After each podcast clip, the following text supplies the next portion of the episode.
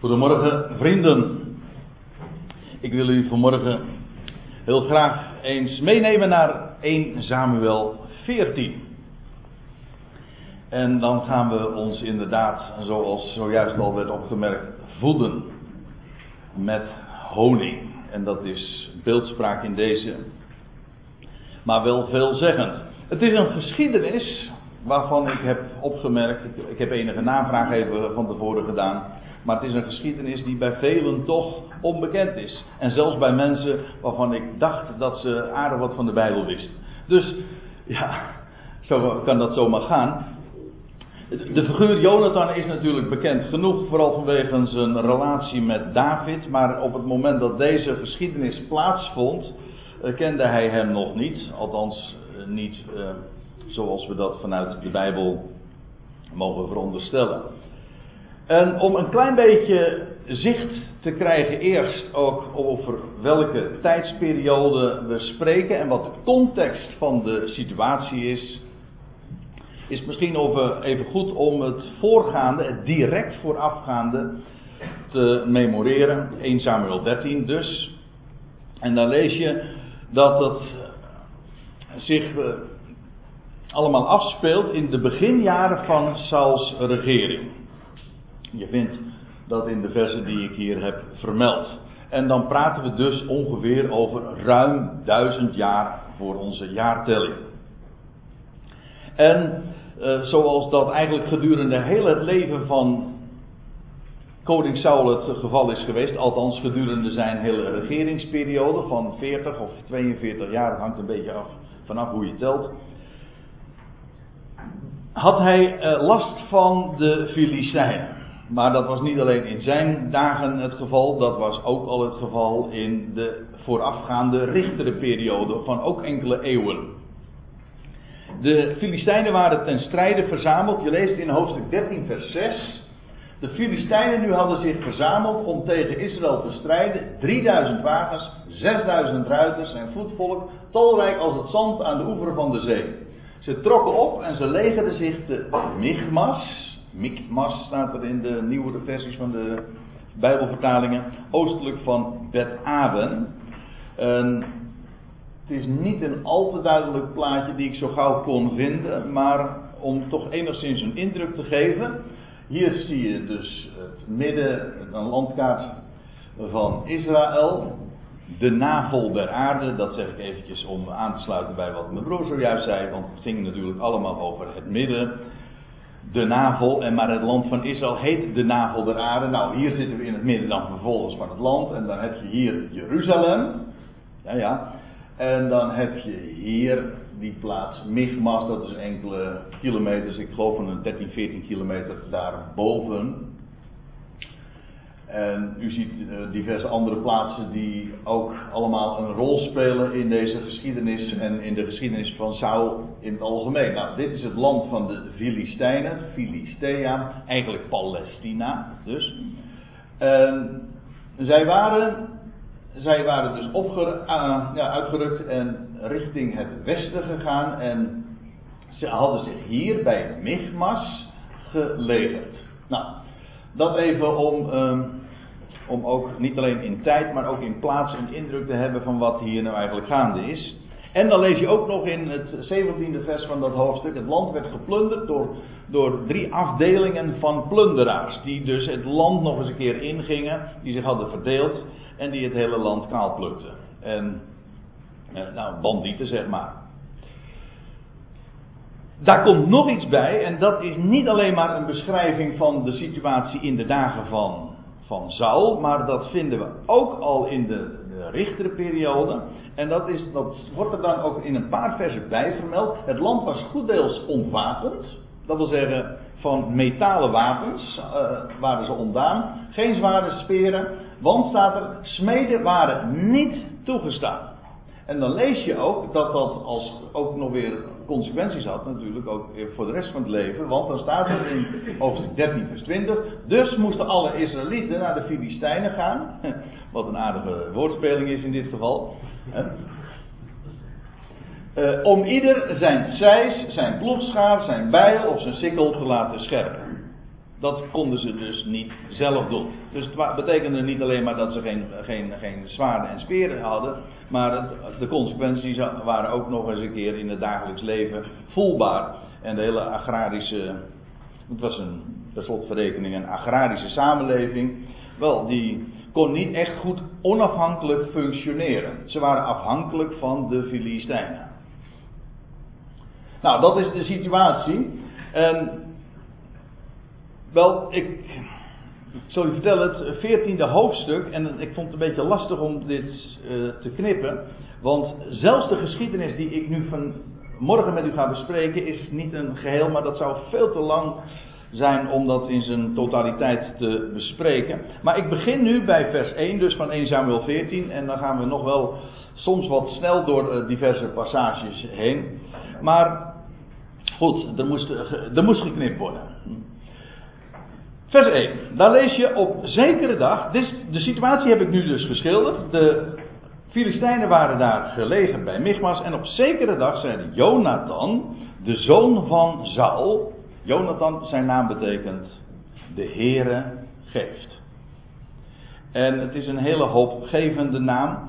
En het loutere feit dat hij zo ook geïntroduceerd wordt, de zoon van Saul, dat is ook veelzeggend, want juist in het voorgaande, dat had ik eigenlijk ook nog bij kunnen zeggen, maar dat doe ik dan bij deze. Het einde van Sauls regering was al bij aanvang, dus in zijn beginjaren, dat zal het tweede of het derde jaar van zijn regering geweest zijn, die in totaal dus een periode van 40 jaar beslaat. Toen is al gezegd, toen werd al gezegd dat zijn koningschap niet bestendig zou zijn, dat wil zeggen het zou van hem worden afgenomen. Wat de reden daarvoor is, daar ga ik het nu even niet over hebben. Maar het betekent wel dat uh, daarmee de hoop is gevestigd op een volgende generatie. En daar staat Jonathan model voor. Voor de volgende generatie. En Jonathan, ja, dat is de man, ik zei het zo uh, al even in de inleiding, de man die we vooral kennen van David. Zijn connectie, zijn innige connectie met, met David. En feitelijk is het zo dat David zijn schaduw al vooruitwerpt. David is hier nog niet in het boek Samuel geïntroduceerd, dat is pas in hoofdstuk 17. Als die bij zijn schapen uh, vandaan gehaald wordt in Bethlehem. Maar in Jonathan werpt David al zijn schaduw vooruit. Dat zie je ook in de wijze waarop hij hier gepresenteerd wordt in dit hoofdstuk. De heldendaad die hij verricht. De overwinning die hij op de Filistijnen behaalt. Onafhankelijk van het volk. Hij gaat zijn eigen weg daarin. Steunend op zijn God en behaalt hij de overwinning op de Filistijnen. Als ik het zo zeg, zonder naamvermelding, dan zou je, dan zou je zweren dat ik het zou hebben over, over David. Maar het gaat over Jonathan. En die Jonathan is dus feitelijk al een beetje een een prefiguratie, zoals dat zo netjes heet, van David. Maar daarmee, en ik hoop dat u de, die zo ook uh, met mij meedenkt, maar daarmee ook van de zoon van David. Want als wij ons met dit gedeelte bezighouden, dan is dat niet alleen maar geschiedkundig. We kijken naar het verhaal, wat er precies staat, jawel. Maar heel de schrift vormt een eenheid en heel de schrift wijst ja, wat dacht je wat? Naar het centrum, naar het middelpunt. Ook het middelpunt van de Bijbelboeken bedoel ik. Naar het centrum, dat wil zeggen de zoon van David, de opgestane, de grote overwinnaar. Wel, dat is wie hij is. Op zekere dag zei Jonathan, de zoon van Saul, tot zijn wapendrager. Het was eigenlijk dat blijkt in de geschiedenis niet alleen zijn wapendrager, maar ook zijn wapenbroeder. Kom, laten wij, laten wij oversteken naar de wachtpost der Filistijnen aan de Ginse zijde, aan de andere kant. Maar zijn vader deelde hij het niet mee. En dit is een heel typerende opmerking, want Saul staat feitelijk in de praktijk al buitenspel. Natuurlijk, hij zou nog jarenlang koning zijn. Maar goed, ik zei al, David is hier nog niet eens in de picture. Maar eigenlijk op het moment dat David ook in de picture komt, dan speelt Saul alleen maar een bijrol nog. Ondanks het feit dat hij koning is.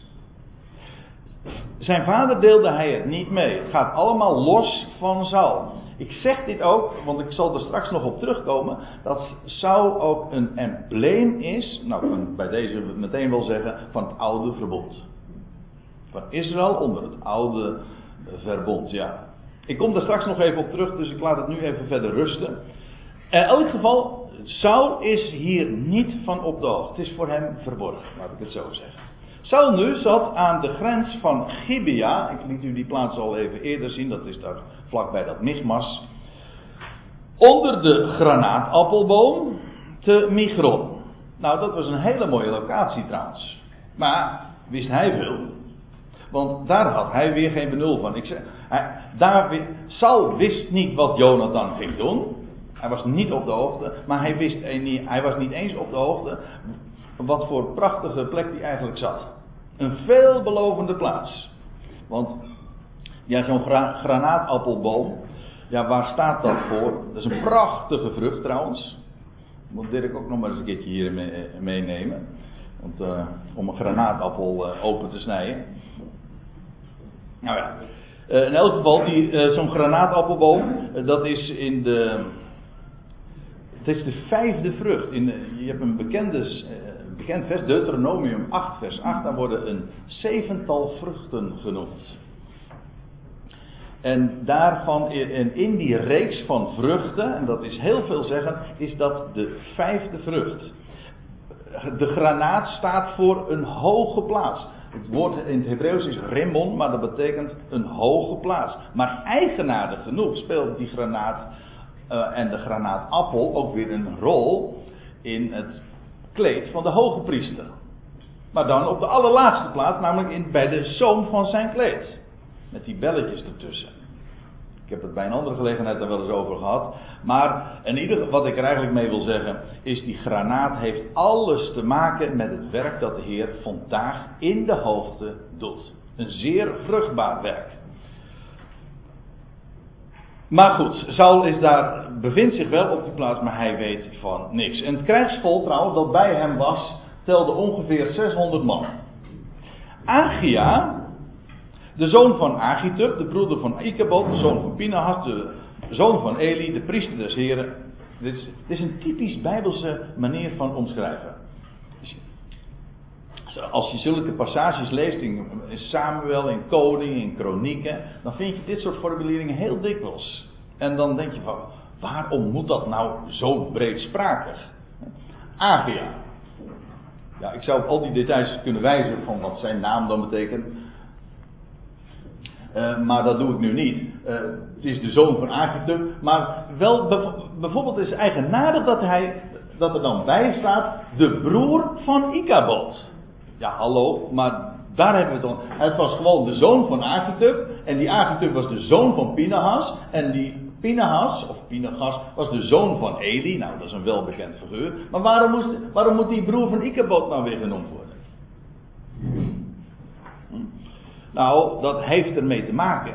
Feitelijk, deze hele omschrijving is zo breedsprakig omdat het veelzeggend is. Deze man die hier genoemd wordt, zijn hele identiteit, en als je het verleden erbij betrekt en de manier waarop het hier gezegd wordt, is typerend voor de situatie waarin Israël zich nu op dit moment bevond. De eer is weg. Ikabod, die naam, dus die geschiedenis, dat vind je in het begin van het boek Samuel dat die jongen geboren wordt. En dat Eli dat nieuws dan te horen krijgt. Dan slaat hij achterover, kent u dat? Nee, ik zie sommigen, ja.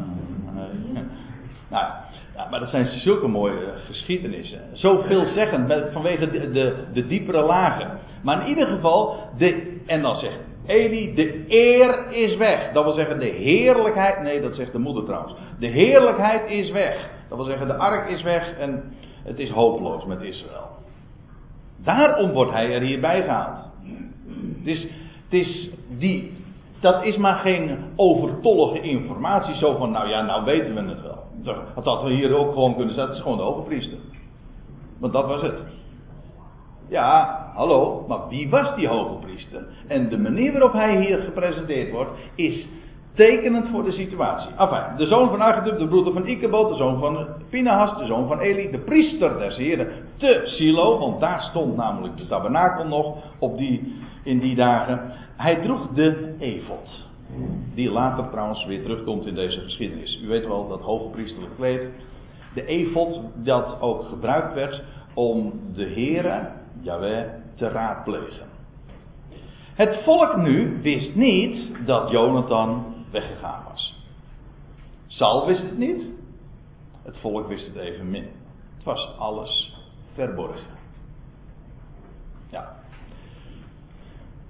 Tussen de bergpassen, waar langs Jonathan zocht over te steken naar de wachtpost der Filistijnen. Trouwens, Jonathan was hier ook opgegroeid, was ongetwijfeld goed op de hoogte van, de, van alle locaties en de weggetjes daar.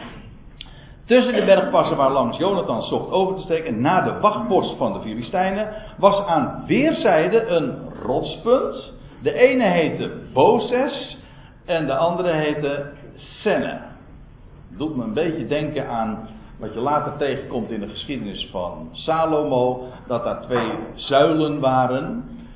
En de ene heette Boas en de andere heette Jachim. En dat zeg ik nou niet om mijn jongens te waarschuwen terwijl ze daar achterin zitten.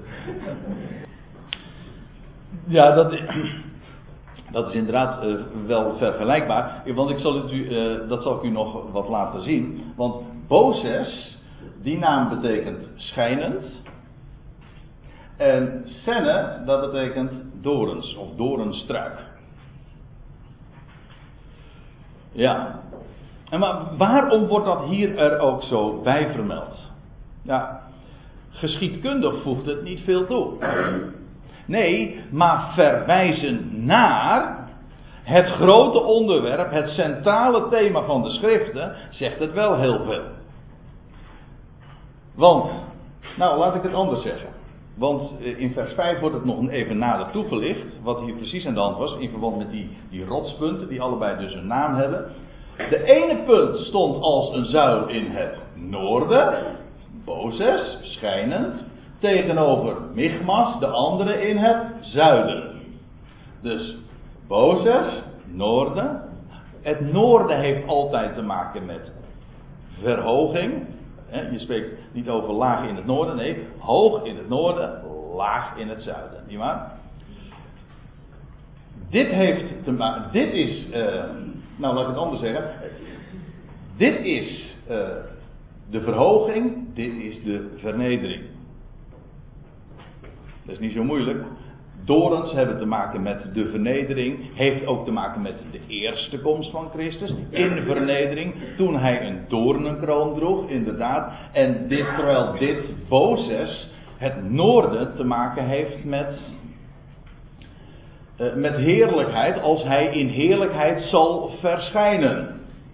Dat heeft te maken met het noorden. Dat zie je altijd. Noord en Zuid heeft, dat is loopt parallel met links en rechts. Links is vernedering, rechts is voorrang, is verhoging. Het heeft ook te maken met Boas, Jagin, dat is ook zuid en noord. Zo wordt het ook in de Bijbel uh, gepresenteerd. En dan, wat doet Jonathan? Hij ging tussen deze rotspunten, ging hij zijn weg via die moeilijke begaanbare bergpas.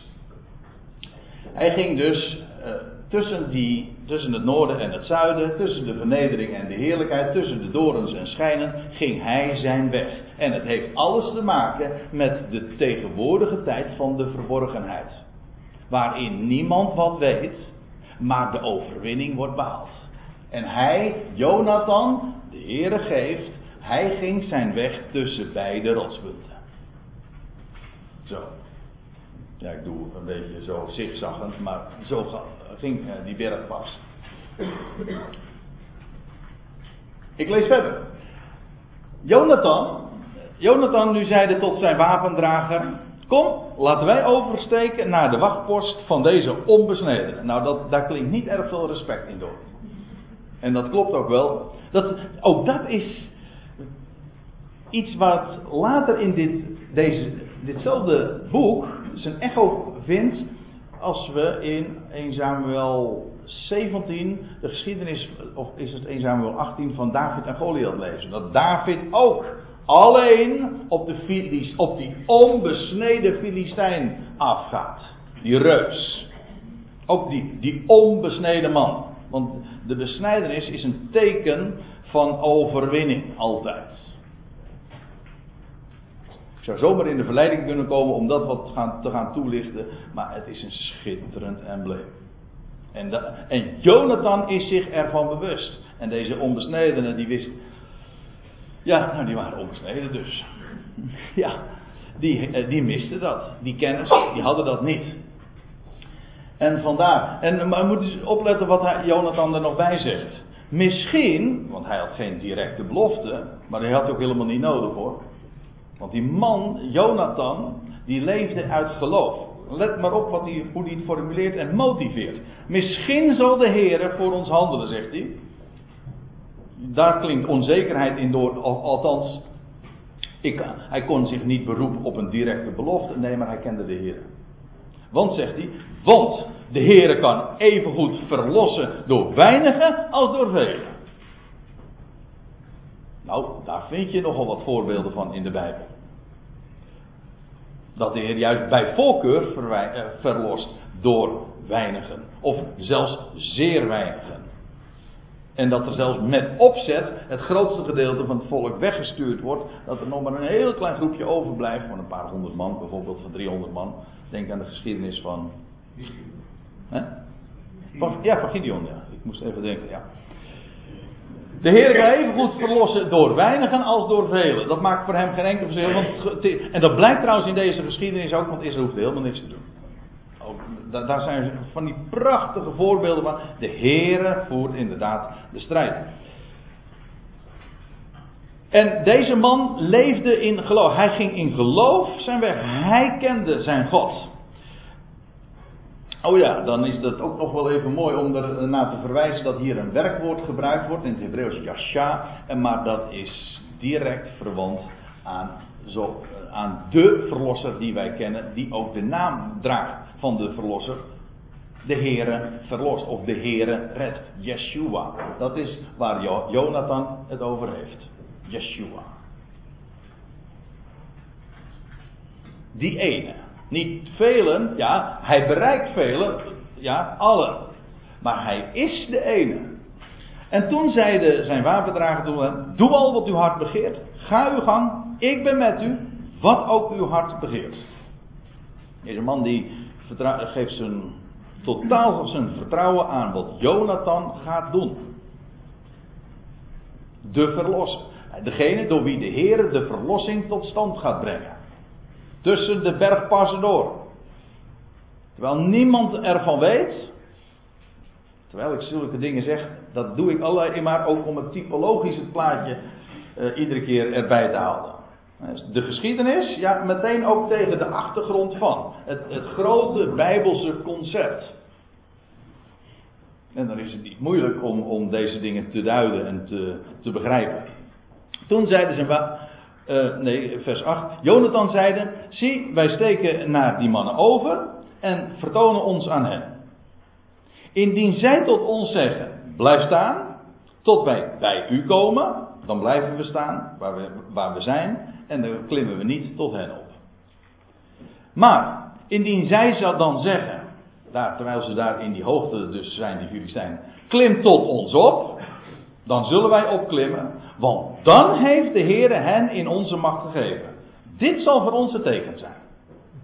Dus zij, wij vertonen aan hen. En de reactie van die mannen, die moet uitwijzen wat, wij, wat ons te doen staat. Als zij inderdaad zeggen, klim naar ons op. Dan is dat de aanwijzing dat, ons de over, dat voor ons de overwinning is weggelegd. Dan heeft de Heer hen in onze macht gegeven. Zo, op voorhand dan. Ja, nou. Toen ze beiden, ik lees nu verder, toen ze beiden, vers 11, zich aan de wachtpost van de Filistijnen vertoonden, zeiden de Filistijnen, zie, Hebreeën komen tevoorschijn uit de holen, waarin zij zich verborgen hadden. Want Israël was in grote angst en de Filistijnen waren, eh, hadden een heel triomfantelijke air en hier wordt nu gespot. En dat blijkt ook wel, want als dan in vers 12 staat. De mannen van de wachtpost riepen Jonathan en zijn wapendrager toe. Klim tot ons op, dan zullen we u leren. Dan zullen je een lesje leren. Dus,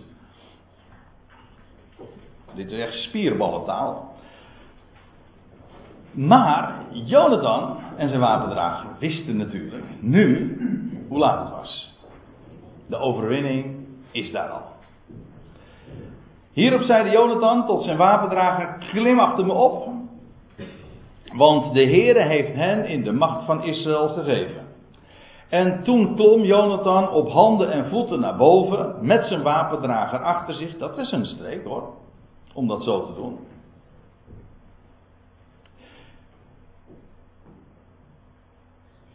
En dan staat erbij aan het einde van uh, vers 13. En ze werden door Jonathan neergeveld. Zijn wapendrager maakte hen af achter hem. Ja. Er staat trouwens in de Statenvertaling. Uh, zij vielen voor Jonathans aangezicht. Dat klinkt zo als, alsof hij zelfs niks hoeft te doen. Ze vielen voor zijn aangezicht. En zijn wapendrager doodden ze achter hem. Die maakten het dus inderdaad af. Maakten hen af. Ja. Uh, zo heeft de NBG het dan wat, uh, wat eufemistischer weergegeven. Maar het staat gewoon, de wapendrager doodden ze achter hem. Ja, waar ik dan aan moet denken, aan iemand die ook op eenzame hoogte zich begaf. De, overwinnaar, de overwinning behaalde. Terwijl niemand daarvan af wist. En de overheden en machten ontwapende. Verwijs hier naar Colossense 2 vers 15. De overheden en uh, machten ontwapende en hen uitkleden. De overwinning op hen behaalde. Daar in de hoogte. Menselijkerwijs kon dit helemaal, uh, kon dit helemaal niet. En was dit natuurlijk een ongehoorde actie van Jonathan. Maar hij deed het dan toch maar. Maar goed, daarvan staat de Bijbel natuurlijk vol van dat type geschiedenissen. En dan lees je in vers 14 deze eerste nederlaag nu. Maar goed, deze blijkt wel beslissend te zijn. Deze eerste nederlaag nu, die Jonathan en zijn wapendrager hen toebrachten, uh, kostte hun ongeveer 20 man. Over een lengte van ongeveer een halve voren van een juk land. Hm? Nou, in ieder geval, één ding is duidelijk. Uh, Jonathan behaalt de, behaalt de overwinning over, die, over 20 man. En waarschijnlijk, dat blijkt uit het vervolg, zijn er enkele die dan ontkomen. En dan de andere Filistijnen, zeg maar, daarover inlichten. Maar in ieder geval 20 man wordt hier genoemd. Ja, waarom 20? Wordt dat, nou ja, gewoon omdat er 20 man waren. En die hele periode tussen, tussen Boses en Senne, tussen vernedering en verhoging, tussen dorens en tussen heerlijkheid en schijnen, dat heeft inderdaad iets te maken met 20. Je leest van Jacob dat hij naar het buitenland ging en bij zijn oom Laban verbleef. Twintig jaren. En toen keerde Jacob vanuit het buitenland na twintig jaren weer terug. Wij weten dat die periode in de Bijbel 2000 jaar duurt, maar je zou natuurlijk net zo goed kunnen zeggen 20 eeuwen. Ik denk dat het daarmee verband houdt met die tussenperiode. En even wat die uh, merkwaardige omschrijving van die oppervlakte betreft. Uh, wij spreken dan over. Uh, ja, we hebben een heel andere manier van om dat op te geven. Maar trouwens, in de Statenvertaling staat: de helft van een bunder zijnde een juk ossen lans. Dus, ik zeg dat niet, nu niet om te verduidelijken, maar hoe het in het Hebreeuws eigenlijk omschreven wordt. En ik heb begrepen dat er heel wat talen zijn, klassieke talen, die dat op die manier ook weergeven. Het, idee daarbij is dat een, een span ossen onder een juk een stuk land kunnen doorploegen gedurende één dag. Nou, en dat stuk dat is dan zo'n bunder. Nou, en de helft van zo'n stuk, dat is waar uh, die hele strijd tussen Jonathan en uh, die twintig man heeft plaatsgevonden. Dus een, een kleine oppervlakte. Heeft hij ze, daar heeft hij ze neergeveld. Goed. De actuele situatie. Nu, even. We gaan verder, maar nu is de situatie dus deze. Uh, dit was een goed begin. Sterker nog, het was ook het halve werk. Wel, weliswaar moest het nu nog. Uh, was, waren daarmee de Filistijnen nog niet verslagen. Maar dit was de decision day. Die day. En met recht inderdaad het halve werk. Jonathan had op eenzame hoogte de overwinning behaald. Verborgen voor het volk. Die wist nog van helemaal niets. Goed, met die kennis gaan we nu verder. Toen kwam er schrik in de legerplaats. Ik zei al, uh, wellicht dat er mensen zijn ontkomen. En zodat ook de hele. Dit, want dit was een voorhoede. Die Jonathan en zijn wapendrager bereikt hadden. Maar ja, inmiddels was de legerplaats op de hoogte gekomen. Kennelijk omdat er mensen ontkomen waren. Toen kwam er schrik in de legerplaats. Op het, uh, op het veld en onder al het volk. Wat is hier aan de hand? En ook, ook, de wachtpost en de plunderaars die schrokken. Dus het gerucht deed eh, snel de ronde. En wat er, eh, er gebeurde nog iets. En dat is een goddelijk signaal. Wat hier, waar uh, dit alles mee bevestigd werd. Want staat er, de aarde beefde bij deze gelegenheid. Zodat het werd tot een schrik gods. Het was niet alleen maar uh, dat wat Jonathan had verricht. Maar het werd nog eens gecombineerd met, met recht de schrik gods. De aarde beefde. Bij, juist bij die gelegenheid. En toen de uitkijkposten van Saul te Gibea in Benjamin dit zagen, op grote afstand, en zie, en zie de menigte liep sidderend heen en weer, zeide Saul tot het volk dat met hem was, stelt een onderzoek in en ziet wie van ons is weggegaan. Saul wist dus nog helemaal van niks. Ze stelden dan een onderzoek in en zie Jonathan en zijn wapendrager, zij ontbraken. En toen zeide Saul tot Agia: Breng toch de ark Gods hier.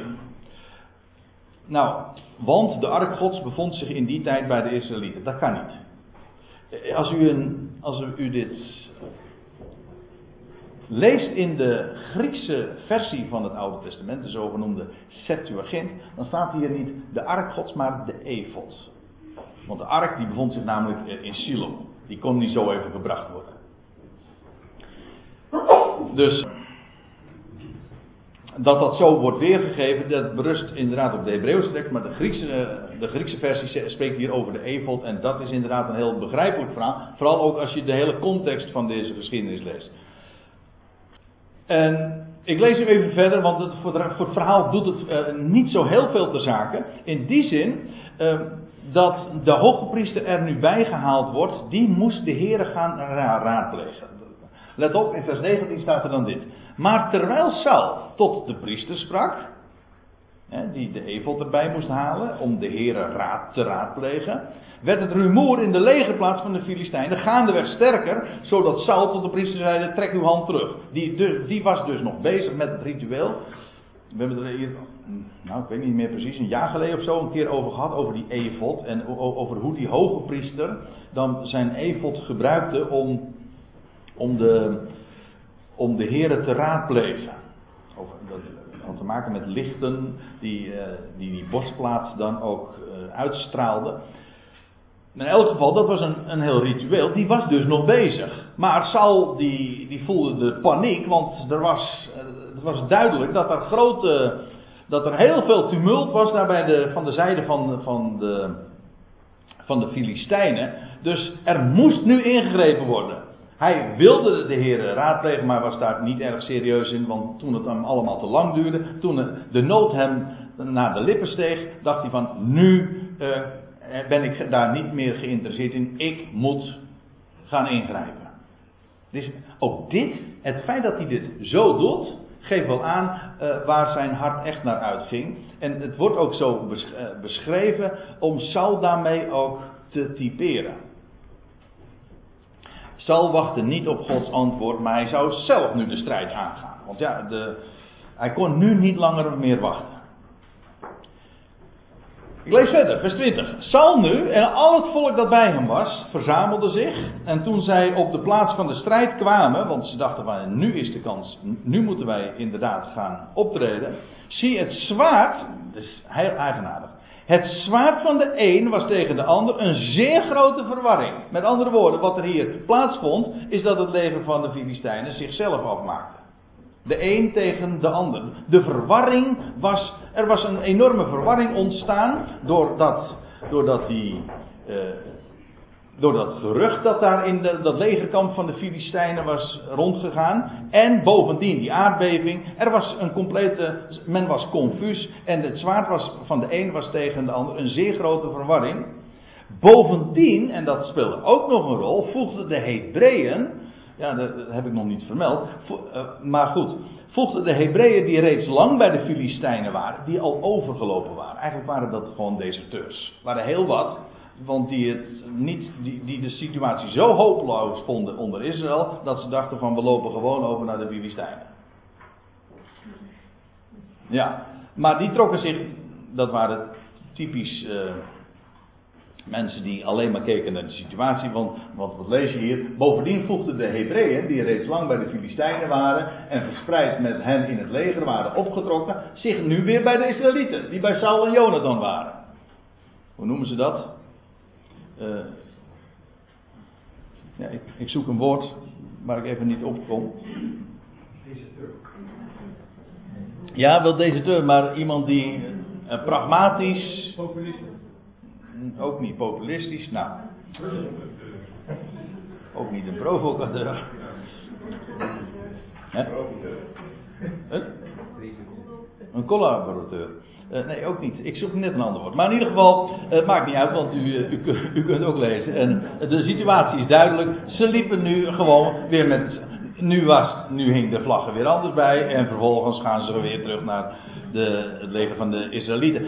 Het gaat nou even niet om hun motivatie en dat dat uh, slap was. Het gaat er nu even om dat de verwarring onder die, onder dat, in dat legerkamp van de Filistijnen compleet was. En in plaats van dat, nu ze, dat ze de strijd tegen de vijand gingen aan, gingen, zaten ze onderling te strijden. Daar kwam het op neer.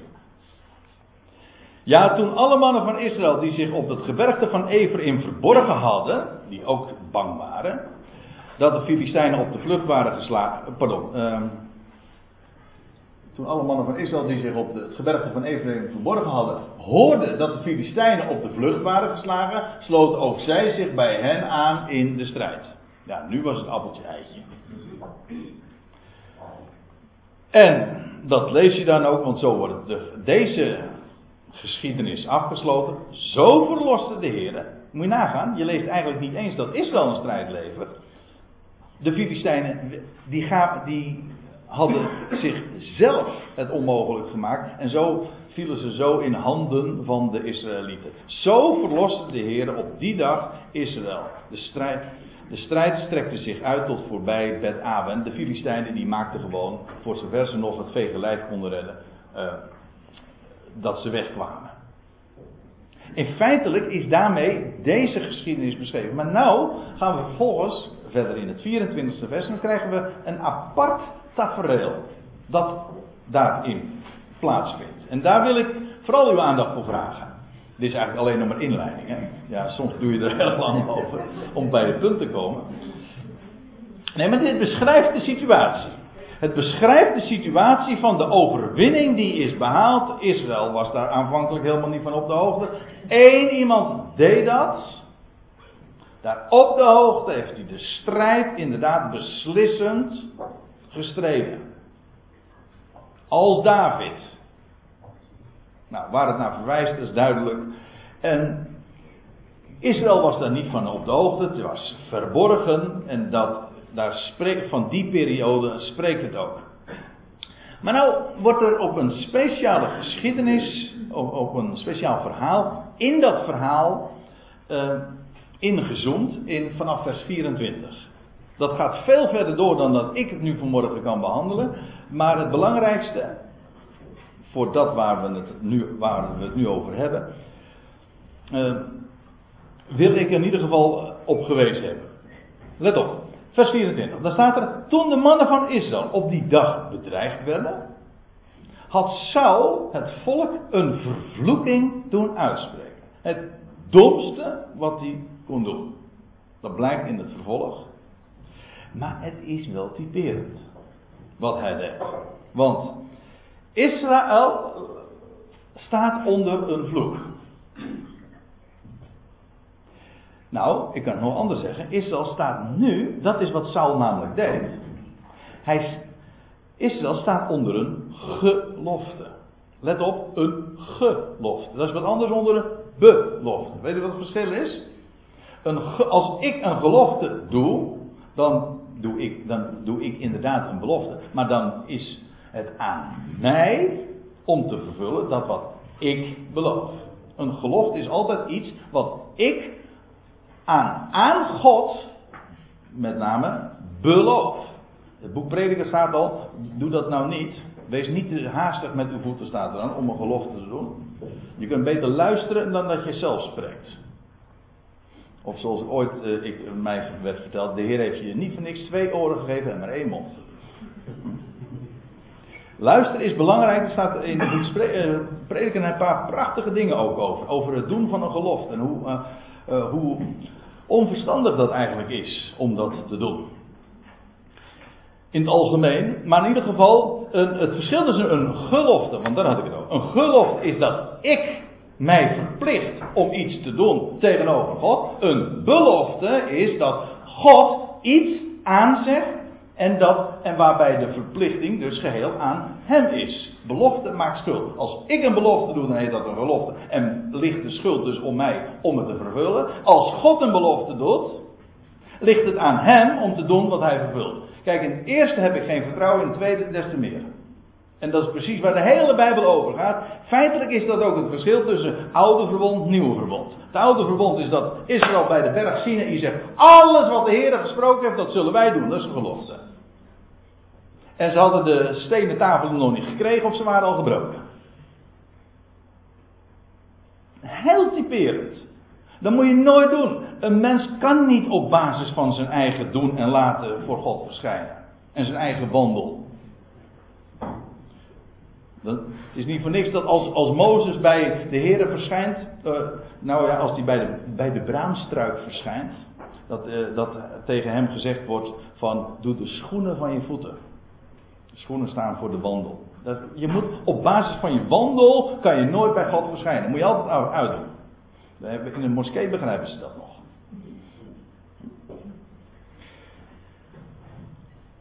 Israël staat hier, in deze geschiedenis, onder een gelofte. En in de praktijk was dat een vloek. Staat feitelijk voor het oude verbond. Dat oude verbond heet ook met recht een vervloeking. Het is, Paulus zegt in 2 Korinthe 3, het is een bediening van veroordeling en een bediening des doods. En dan heeft hij het inderdaad over de stenen tafel. Waarom? Omdat de verplichting op de mens rust. En dat gaat nooit goed. En feitelijk is dat ook waar, waar Saul altijd voor staat. Voor het oude dat verdwijnen moest. Saul was eigenlijk vanaf de aanvang al, uh, daarvan was al bekend, hij gaat, het is een tijdelijk fenomeen. De, het volk wilde een koning naar hun hart. Oké, jullie krijgen hem. Maar, maar pas daarna komt de koning naar mijn hart, zegt God. Saul staat voor dat wat verdwijnen moest. Saul staat ook voor de, de grote tegenstander van, van David. Ja, ook van de zoon van David. Saul, Saul, wat vervolg je mij? Ik hoop dat u me nou nog volgt trouwens. Maar Jonathan, hier in dit hoofdstuk is het ook Saul tegenover Jonathan. En dat, we gaan dat niet meer lezen, maar ik raad u aan om het, vervolg van 1 Samuel 14 nog te lezen. Dan lees je zelfs dat Saul eh, Jonathan ter dood moet brengen. Het gebeurt uiteindelijk niet. Dus dan zie je trouwens ook dat een gelofte nooit werkt. Want de gelofte die uh, uh, Saul laat doen, en zelfs en zelfs dat de.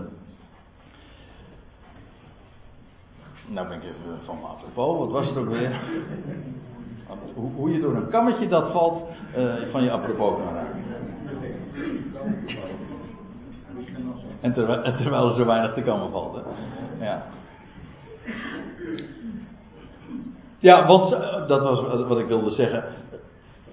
Hij had gezegd van, die zal ter dood gebracht worden, die iets eet. De, de gelofte die gedaan zou worden. Nou, Saul kon zijn eigen gelofte niet eens verstanden. Allemaal heel, heel typerend. Wel, dat is wat hier, hier gebeurt. Saul had het volk een vervloeking doen uitspreken. En wat, wat hield die vervloeking in? Vervloekt is de man die spijs eet voor de avond en voordat ik mij op mijn vijanden gebroken heb. Dat, de hele de intonatie en de hele de accenten geven al aan van de, eh, de, het motief deugt niet. Trouwens, Saul dacht dat hij zijn eigen strijd streed. Ik zal mij dreven. Het zijn mijn vijanden. Nou, waarom is dat dom? Wel, juist als het volk energie nodig heeft en kracht, ja, dan moet je, dan moet je ze dat niet onthouden. Nou ja, in elk geval, het volk eh, was gedwongen om deze gelofte te doen. En daarom staat er, gebruikte niemand van het volk enig voedsel. En staat er dan in vers 25, en het hele volk uh, kwam vervolgens bij een bos, daar in die omgeving, en er was honing op het veld. Er was honing. Ja, en waar is honing een beeld van? Dat is niet zo moeilijk. Eh, honing is een beeld van het woord van God. Ja, u ziet hier een mooi foto. Ik heb, eh, dat heb ik zelf ook bewerkt, moet ik erbij zeggen hoor. Want u ziet die, die dames zegt van, dat heb ik zo'n honingraad heb ik nog nooit gezien. U, u dacht, hoort dat erbij? Hm? Maar ja, dat hoort erbij, want het is een, die, zo'n honingscel, dat vond ik wel mooi. Zo'n, zo'n cel, dat is een zes, dat heeft zes hoeken. Net als de Davidster. Trek, ik heb gewoon eventjes lijntjes getrokken naar de verschillende hoeken en dan krijg je een Davidster. Nou, dat speelt in deze geschiedenis nog niet, maar ik zei al, Jonathan is een voorloper van David. Wel een grote rol. In elk geval, laat ik het maar gewoon zo zeggen. Honing is een beeld van het woord van God. Wat ja, ik zal het straks, ik zal het straks nog even uh, heel erg duidelijk uh, maken, want dan staat het ook expliciet. Maar ik heb er bij deze al even op gewezen. En dan staat er, uh, want ik wil eerst nog even verder lezen, vers 26. Toen het volk bij het borst kwam, zie, daar vloeide honing. In overvloed dus kennelijk. Maar niemand bracht de hand aan de mond. Waarom? Het volk vreesde de eed. De vloek. Het oude verbond, de gelofte, dat wat zij beloofd hadden, te doen tegenover God, dat niet zou gebeuren. Zij werden weerhouden om kracht te ontvangen, om zich, van, om zich te voeden met die honing. Jonathan echter had niet gehoord dat zijn vader het volk had doen zweren. Was, hij was daar weer onwetend van. Leef, had dus, hij leefde niet onder deze vloek. Dus, heel, dus je hebt aan de ene kant Saul, en het volk dat leeft onder een gelofte die zij verplicht zijn te doen naar God toe. Maar het weerhield hen ervan om te eten van de honing. Dat wat zoet is, wat kracht zou geven. Ja, en dan daar van, van Jonathan lees je dan, hij strekte de stok, of in er staat in de andere vertalingen de staf.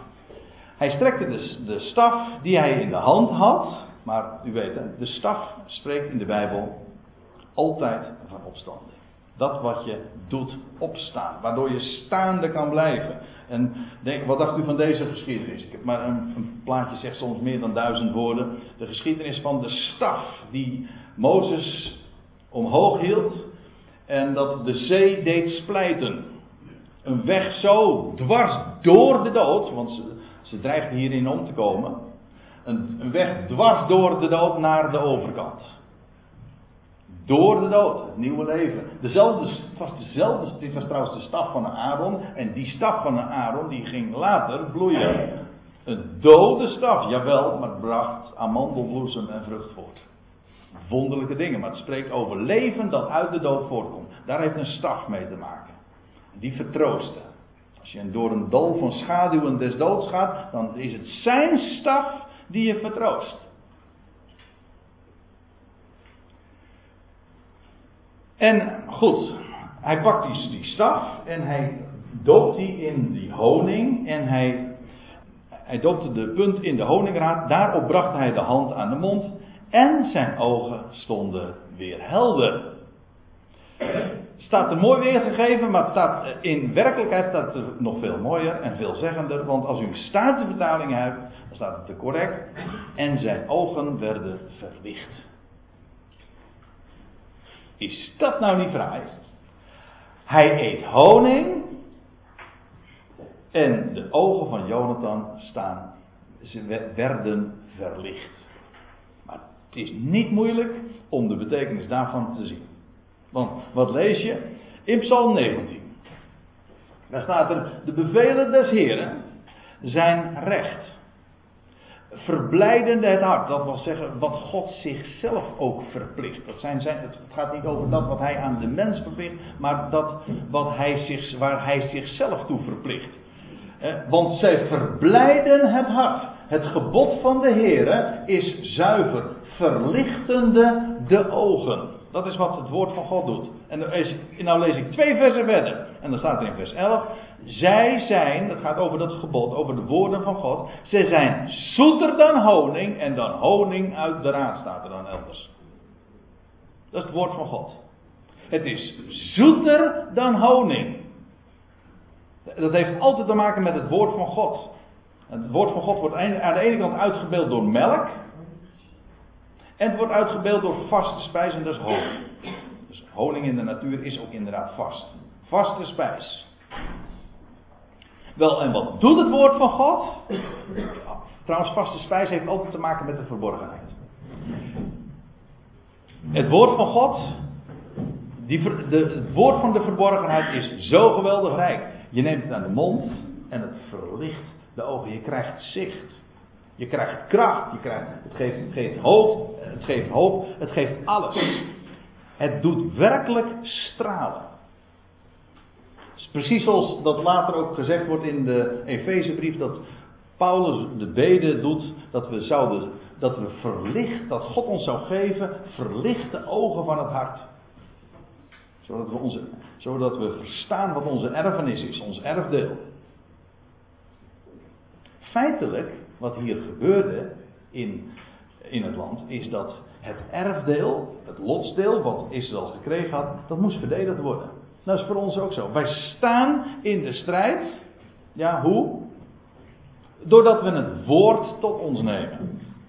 Ik lees nog even verder om het uh, af te maken. In vers 28 lees je. En iemand uit het volk nam het woord. Die nam het, nam het woord en zeide: Uw vader heeft het volk uitdrukkelijk doen zweren. Vervloekt is de man die heden spijs eet. En, daar, en daarom is het volk uitgeput. En toen zeide Jonathan: Mijn vader heeft het land in het ongeluk gestort. Ziet eens hoe helder, hoe verlicht letterlijk, hoe verlicht mijn ogen staan.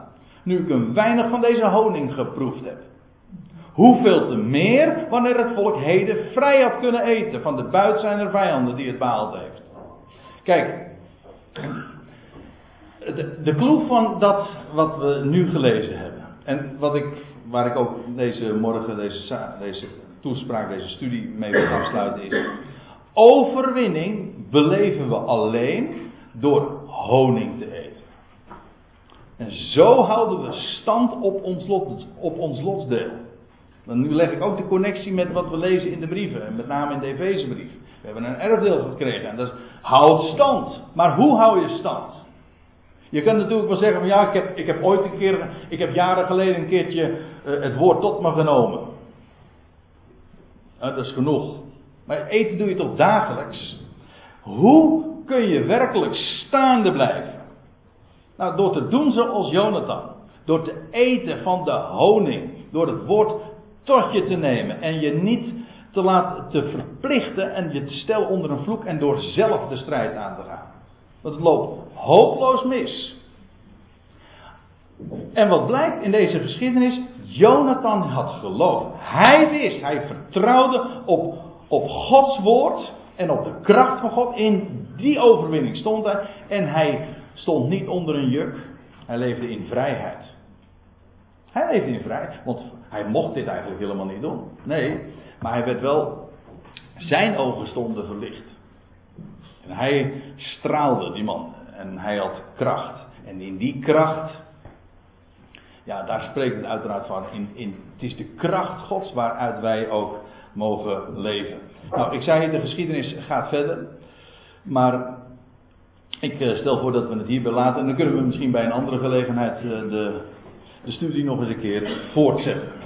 Zullen we een lied zingen met